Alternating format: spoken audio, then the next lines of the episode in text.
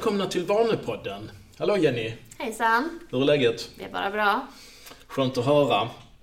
Eh, Ska vi sammanfatta lite vad vi pratade om eh, förra gången? Ja, förra veckan så pratade vi om positiv förstärkning och hur man under eh, vanan som man genomför kan använda sig av en inre positiv förstärkning.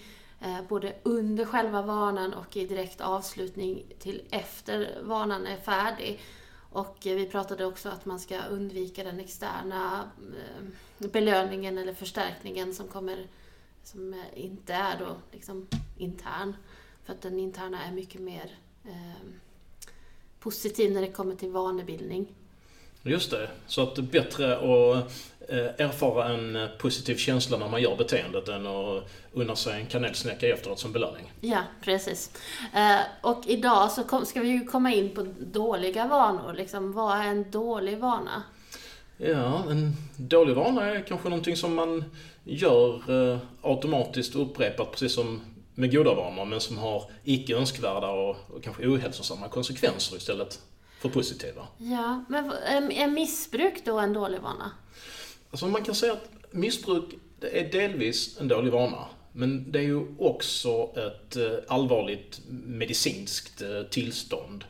Så att eh, idag så kommer vi inte prata om substansmissbruk. Utan vi, vi håller oss till eh, gem, liksom, dåliga vanor som gemene man kan ha hemma i sin vardag. Mm. För alla har ju säkert någon dålig vana som man egentligen vill bli av med. Eh, och det är det det här avsnittet kommer handla om. Hur, hur blir man av med dåliga vanor? Hur får man bort dem? För de har ju en tendens att eh, hålla sig kvar. Mm, alla har ju problem med att bli av med sina dåliga vanor. Eh, Och egentligen, eh, själva dåliga vanor, de är ju uppbyggda precis på samma sätt som bra vanor. Alltså det är ju vanebildning och det är ju samma struktur där. Det, det handlar om kontexten, om triggern, beteende är ju i det här fallet dåligt beteende och eh, belöningen som kommer. Mm. Och eh, en eh, del som man kanske gör felaktigt när man försöker att få bort ett eh, dåligt beteende, att man ser på det alldeles för abstrakt. Man tänker att oh, jag ska sluta äta skräpmat till exempel. Och man tänker att ja, men det är väl en tydlig eh, vana. Men det är det ju inte. Alltså skräpmat är ju väldigt stort. Vad menar man med det? Vilka, vilka situationer är det man äter det? När? Och, så att man behöver eh, precisera det mycket mer och jobba och synliggöra exakt vad, var och när är det man gör den här vanan och eh, hur ser det ut? Mm, just det. För det, just kost är ju intressant för att man, man har, har ju kanske en frukostvana hemma på, på vardagarna, kanske en annan frukostvana hemma på helgerna och så har man eh, olika lunchvanor beroende på var man äter lunch. Och, och, och likadant med middagsvanor och kanske snacks på kvällen. Och var och en har kanske sin unika kontext och trigger och belöning. Man kanske inte äter frukost för att känna tröst, som man kanske kan känna när man eh, äter snacks på kvällen efter en stressig dag. Liksom. Ja. Så att även om man kanske ser det som en första anblick att ja, men det är en dålig vana så är det ju många olika vanor som man har som har egentligen samma eh, koncept och resultat. Ka- Men, så att man behöver ju faktiskt djupdyka i varenda en av dem. Så som man till exempel har en, eh, den här abstrakta tanken då i början att jag vill eh, göra mig av med mina dåliga kostvanor. Hur, hur kan man gå tillväga då? Hur kan man börja? Alltså du behöver ju börja och synliggöra när är det du har dåliga kostvanor. Och eh, om man börjar då med kontexten, så var är det de här kostvanorna händer? Är det hemma i soffan eller är det på jobbet eller är det alltid på lunchtid? När är det det händer? Att man synliggör kontexten. Är det något speciellt tillfälle, någon plats, tid, person? Alltså man behöver hitta platsen där det, det inträffar helt enkelt. Så, så, så man kan, man kan liksom...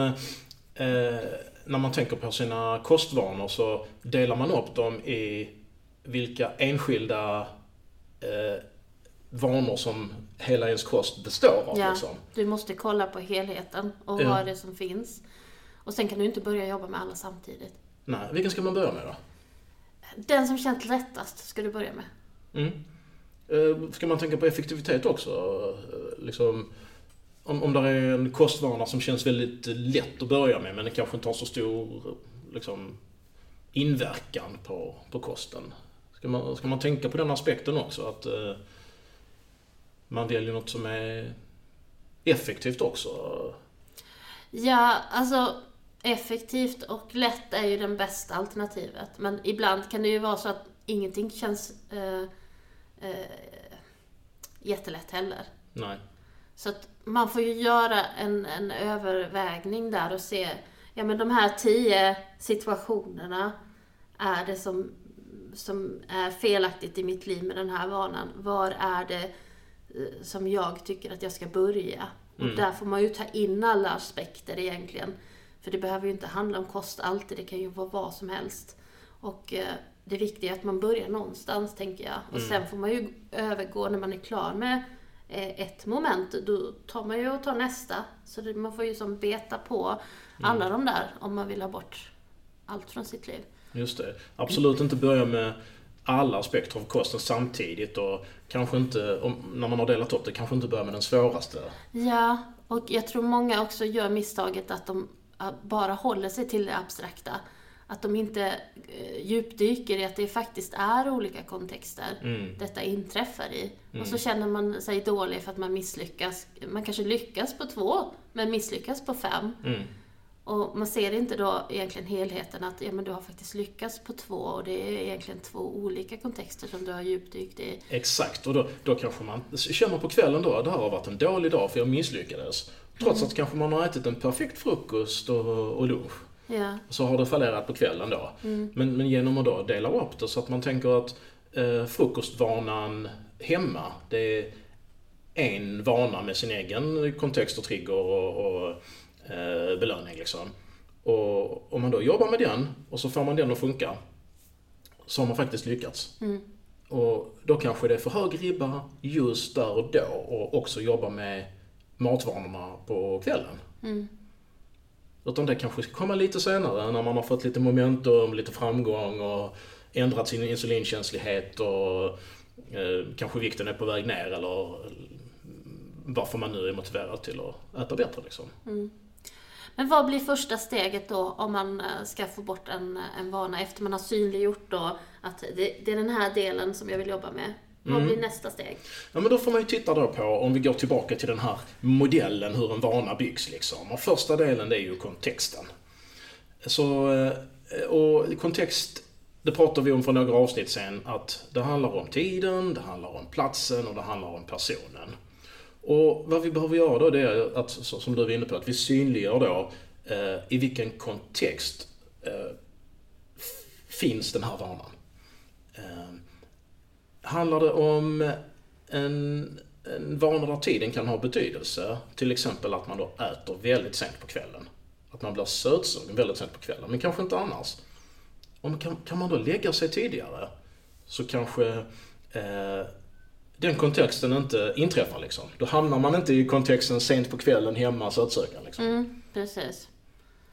Och eh, man kan också prata om kontext som plats. Och om man då brukar köpa sitt kaffe på ett café och så ser man de här delikata bakverken då samtidigt som man beställer sitt kaffe så kanske man är väldigt frestad att ta med sig en, en, en sån också, att det har blivit en dålig vana.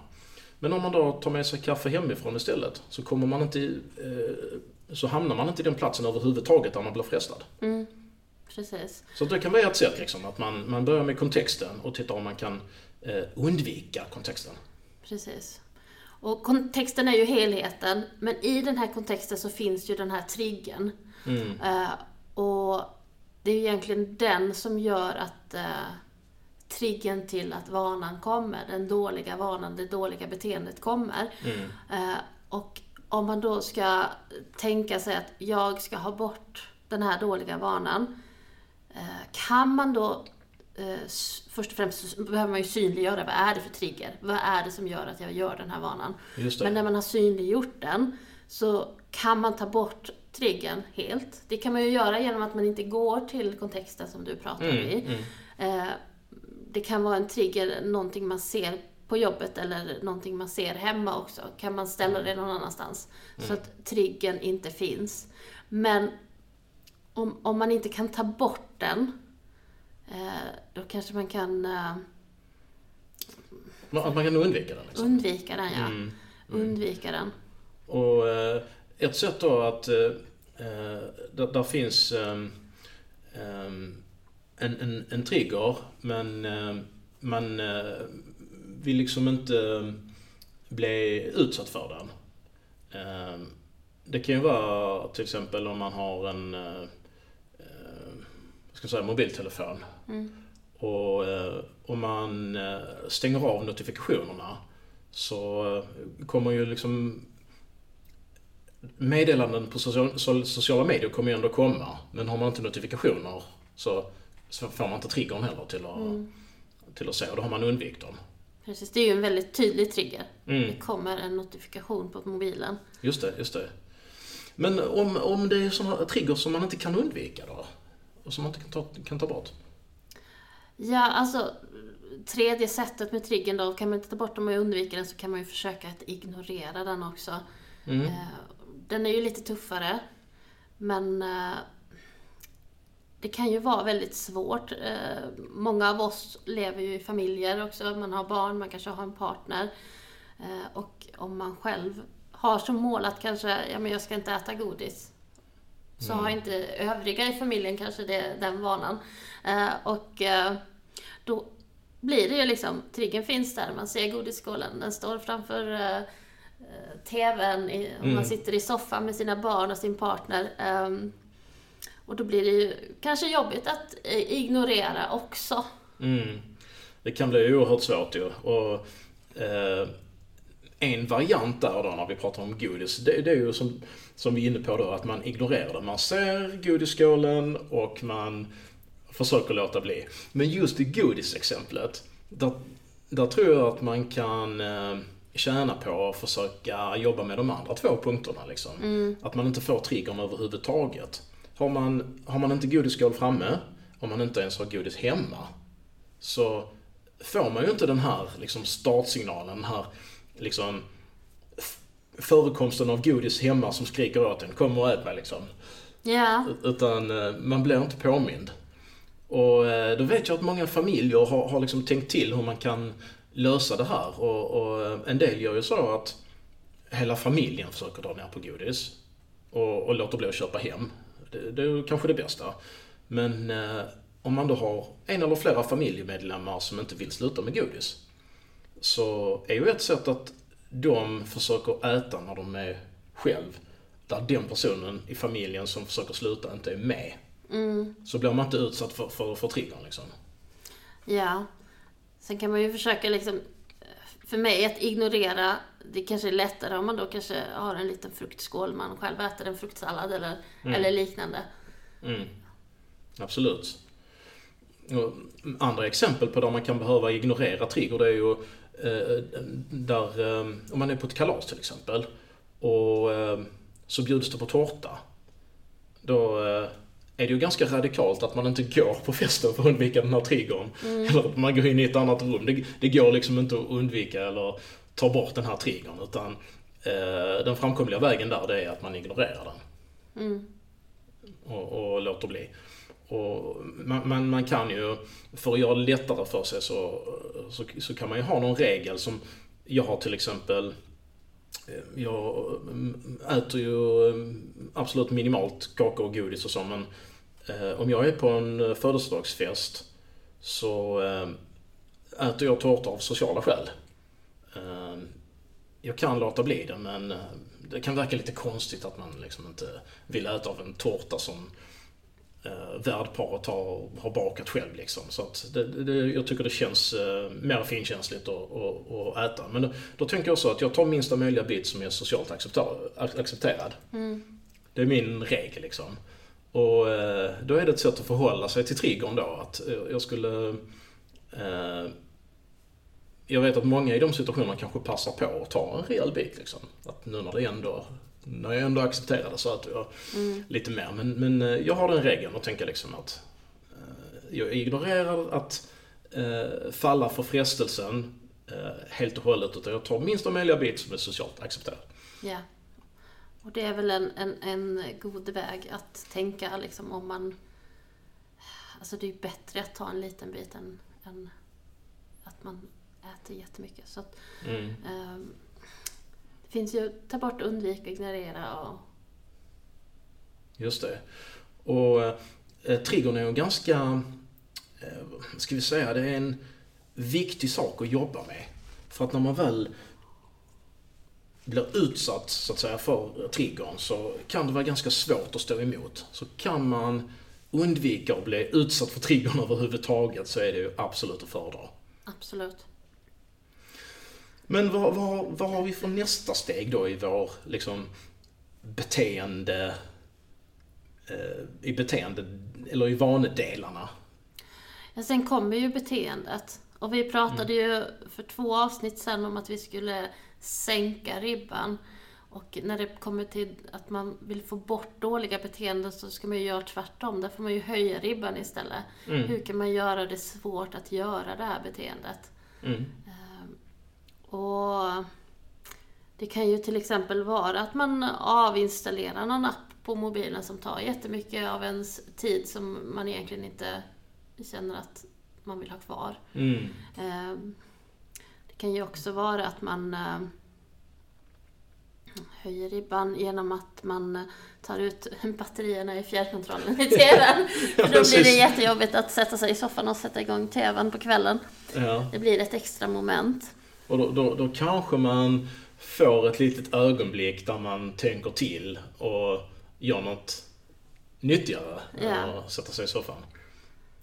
Och det finns ju också, man kan ju ställa in liksom maxtidsgräns på mobiltelefonen för olika appar. Och även om det går att ignorera så blir det ändå ett extra moment för att kunna använda den här appen när, när då den tiden man har eh, fastställt som, som lämplig har gått ut. Så det, det är också ett sätt att höja ribban liksom, för att göra beteendet lite svårare. Det man vill bli av med. Och eh, sen kan man ju tänka att finns det något sätt där man kan öka kostnaderna för beteendet? Ehm, finns det något sätt där man kan göra det mer eh, komplicerat, eh, svårare, öka avståndet? Man får tänka lite fritt där liksom för hur, hur man kan göra det så svårt som möjligt för att göra det icke önskvärda beteendet. Ja.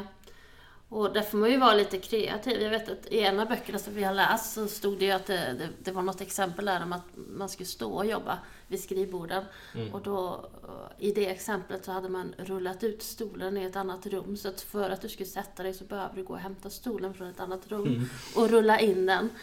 Eh, Och det var ju tillåtet, men det blir ju ett extra moment så då kanske man står lite längre än, än, eh, än om man inte hade haft, ja, men om stolen hade varit där tillgänglig precis bredvid dig. Precis. Ett kul exempel vi kom på nu också det är ju att lägga den färdigtvättade tvätten i soffan. Ja. Så man måste vika den innan man får sätta sig. Det finns inte plats. så nej men det är väl, det är väl ett bra exempel. Ja, ja. Men ni, ni är säkert med på tänket liksom att uh, göra det så svårt som möjligt. Höj ribban. Ja, precis. Eh, och efter beteendet så kommer ju då belöningen som vi pratade om Just det, just det. förra gången. Och, och belöningen diskuterar vi en lång stund idag. För att eh, vi tänkte, finns det något sätt där man kan reducera eller ta bort eh, belöningen? Och det, det är ju ganska komplicerat för att det finns ju ett skäl till att man har startat den här dåliga vanan. Och det Ja. är ju att, att det finns en, en, eh, på något sätt en belöning anknuten till den. Och eh, det, det är inte så himla lätt att, eh, att ta bort den belöningen, för den finns där ju. Precis, den finns där och eh, även här, det har jag sagt det många gånger, men vi måste synliggöra vad, vad är det för belöning som är kopplad till det här beteendet. Mm. Och eh, varför, varför gör man beteendet liksom? Vad är det? Det kan vara knutet till stress, det kan vara knutet till tröst av någon form. Men när man har synliggjort be- belöningen i beteendet så kan man ju då försöka hitta en annan väg att få den här belöningen. Mm. Och, och, att man då liksom hoppar tillbaka till de andra delarna i vaneprocessen. Att eh, vi tittar på kontext och trigger och vi tittar på beteende. Och när vi då kommer i samma kontext och får samma trigger, så, eh, då när vi gör det dåliga beteendet som vi vill undvika, kan man då försöka hitta ett annat beteende som ger samma belöning. Mm. Som till exempel, eh, känner man då sig väldigt stressad när man kommer hem efter, efter jobbet och eh, man lägger sig på soffan för ett sträcktittande eh, på tv-serier eller att man äter något riktigt onyttigt och då man känner att det får ner en stress liksom. Och belöningen blir då den här känslan av välbefinnande när stressen går ur kroppen och man blir lugn och, och får kontroll igen liksom. Kan man då hitta ett sätt till exempel med mindfulness eller eh, yoga nidra eller eh, någon annan teknik som kan reducera den här stressen. Så när man då får hem, när man, när man då kommer hem och så får man den här triggern för att göra det vanliga beteendet och lägga sig i soffan. Om man då provar eh, den alternativa vägen med meditationen istället, eller vilket beteende man nu väljer, och så känner man efter, ger det samma effekt, ger det samma belöning? Funkar det då så kan man få bort det dåliga beteendet. Så det kan vara en väg istället att tänka att liksom, man kanske inte kan ta bort eller reducera belöningen, men man kanske kan, kanske kan hitta en annan väg dit. Mm, precis. Och, och, det är ju ganska optimalt egentligen att eh, när det finns en kontext, det finns redan en trigger, att man byter ut beteendet. Man försöker byta ut det beteendet man inte vill ha kvar mot ett beteende man faktiskt kanske vill ha in i sitt liv. Mm. Eh, och, och, på det sättet också få belöningen som man vill ha. Sen kan det ju kräva en del eh, tankearbete. Att man eh, måste, som du säger, verkligen sätta sig ner och tänka på vad är det för vad är, vad är det liksom man vill komma åt med det här beteendet? Vad, vad exakt är belöningen? Och sen får man ju också tänka på då vilka andra beteenden skulle kunna ha potential att ge samma belöning. Mm. Alltså allt det här när man pratar om, om vanebildning så är det ju så individuellt med vad man själv vill förändra, varför man vill förändra en vana och vad man själv tycker är dåliga vanor. Det jag tycker är en dålig vana kanske inte du Patrik tycker är en dålig vana. Mm. Utan eh, det funkar i mitt liv, jag vill ha kvar det i mitt liv. Men när man väl har tagit beslut att man vill förändra någonting i sitt liv, även om det då handlar om en positiv vana, en bra vana, eller att man vill ta bort en vana, mm. så, så behöver man ju faktiskt synliggöra vad är det man gör. Mm, absolut. Och ett exempel till på det här, eh, den här strategin då, att kunna behålla belöning och hitta ett nytt beteende, kan ju vara när man äter för att känna tröst som är ganska vanligt då, att när man kommer hem på kvällen och känner sig lite låg, att man eh, tar till mat då som ofta är onyttig för att höja humöret. Kan man då hitta ett annat sätt att höja humöret? Till exempel ta en promenad med en god vän. Som ger samma effekt, att man eh, känner att humöret blir bättre på ett liknande sätt som om man hade ätit. Så är det ju ett väldigt mer hälsosamt sätt att, att, att lösa det på. Mm. Sen tänker jag att bara en sån där sak som att man kanske inte har energi när man kommer hem. Det är ju egentligen ett, ett symptom kanske typ att man behöver ändra andra vanor i livet också. Eh, man kanske har, sover för lite. Man, eh, man får inte den energin man behöver under dagen. Det kan ha att göra med, med sömn, det kan ha att göra med matintag också. Kanske mm. man äter för lite på på eh, frukost och lunch. Mm, brist på så, konditionsträning ja, också typiskt. Så, så att alla de här bitarna hänger ju ihop. Men mm. att då maten blir liksom medicinen lite för att eh, motverka tröst eh, och stresssymptomen. Mm. Men egentligen så kommer ju symptomen från någonting annat som, mm. som man kanske behöver också se över. Mm, så kan det vara. Och, och alltså, det, det, handlar mycket om just att ta sig tid och fundera på hur man fungerar, hur de olika vanorna sitter ihop och eh, att man, eh, innan man gör förändringarna, att man funderar på var kan det bli en störst effekt och var är det smartast att göra själva förändringen. Liksom. Mm. man lär sig väldigt mycket om sig själv när man faktiskt eh, sätter sig ner och funderar på ens liv och sina vanor och var man gör saker och varför man gör saker. Mm. Och vad som man vill i livet. Vad, vad det är man vill göra. Vad det, man, vad det är som gör mig stressad. Och vad det vill jag, vad det vill jag få bort ur mitt liv. Ja, precis. Eh, så att eh, väldigt, väldigt lärorikt Mm. att sätta sig ner och fundera över de här sakerna. Ja, det är det. Men, ska vi sammanfatta det här lite? Mm. Vi får ihop det. Vill, vill du göra det eller ska jag ge mig i kast med det? Du, du, kan, du kan ta den om du vill. Ja, men eh, så, så vi, vi, vi pratar, det första vi sa, vi pratar inte om missbruk. Det, det är någonting, som- även om du har vanekomponenter så har du också liksom sjukdomskomponenter i sig. Så att, eh, vi, vi, vi pratar liksom om vanor som gemene man tampas med hemma. Och eh, vanor, goda som dåliga, de har ju samma eh, uppbyggnad. Att de har en kontext och i den finns en trigger och sen kommer ett beteende som är belönande. Liksom. Och eh, när man då eh, ska bli av med ett beteende så handlar det mycket om att göra lite tvärtom. Som när man ska få ett beteende att eh, fastna. Att i, i kontexten så ska man försöka dölja den så mycket som möjligt och undvika kontexterna som triggar en till att göra saker som man vill bli av med. Och när det gäller triggern då, som är själva startsignalen till att göra beteendet, så gäller det att i första hand ta bort den och i andra hand undvika den och i, i tredje hand kämpa för att ignorera den. Mm. Eh, och när det gäller beteendet så har vi ju pratat om tidigare då att eh, goda beteenden så behöver vi sänka ribban så att de blir av. Här gör vi tvärtom. Ja. Vi höjer ribban. Höj ribban. Ja. Gör det så svårt som möjligt, gör det så kostsamt som möjligt, så komplicerat som möjligt, med så långt avstånd som möjligt. Svårt, svårt, svårt på alla Ja. möjliga sätt. Verkligen. Eh, när det gäller belöning så kan det vara svårt att göra någonting åt själva belöningen. För att belöningen är kanske ganska tätt eh, kopplad till eh, skälet till varför man gör det.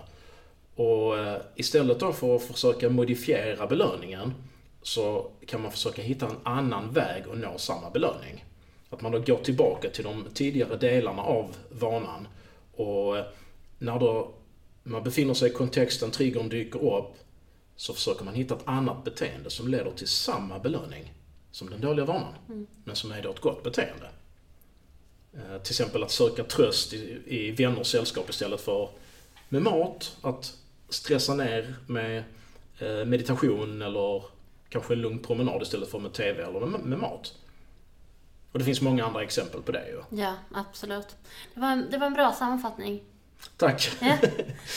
Eh, och, och det är väl egentligen eh, det vi har att säga om detta nu. Jag skulle ju vilja tillägga en sak till om jag Ja, får. okej. Lå, låt oss höra. Det blir spännande. Jo, för jag tänker ju så här då att om man eh, gör detta men man inte riktigt lyckas, man känner att den här dåliga vanan, det går liksom inte att få bort den helt och hållet. Kan man inte, finns det ingen nödstrategi då att ta till?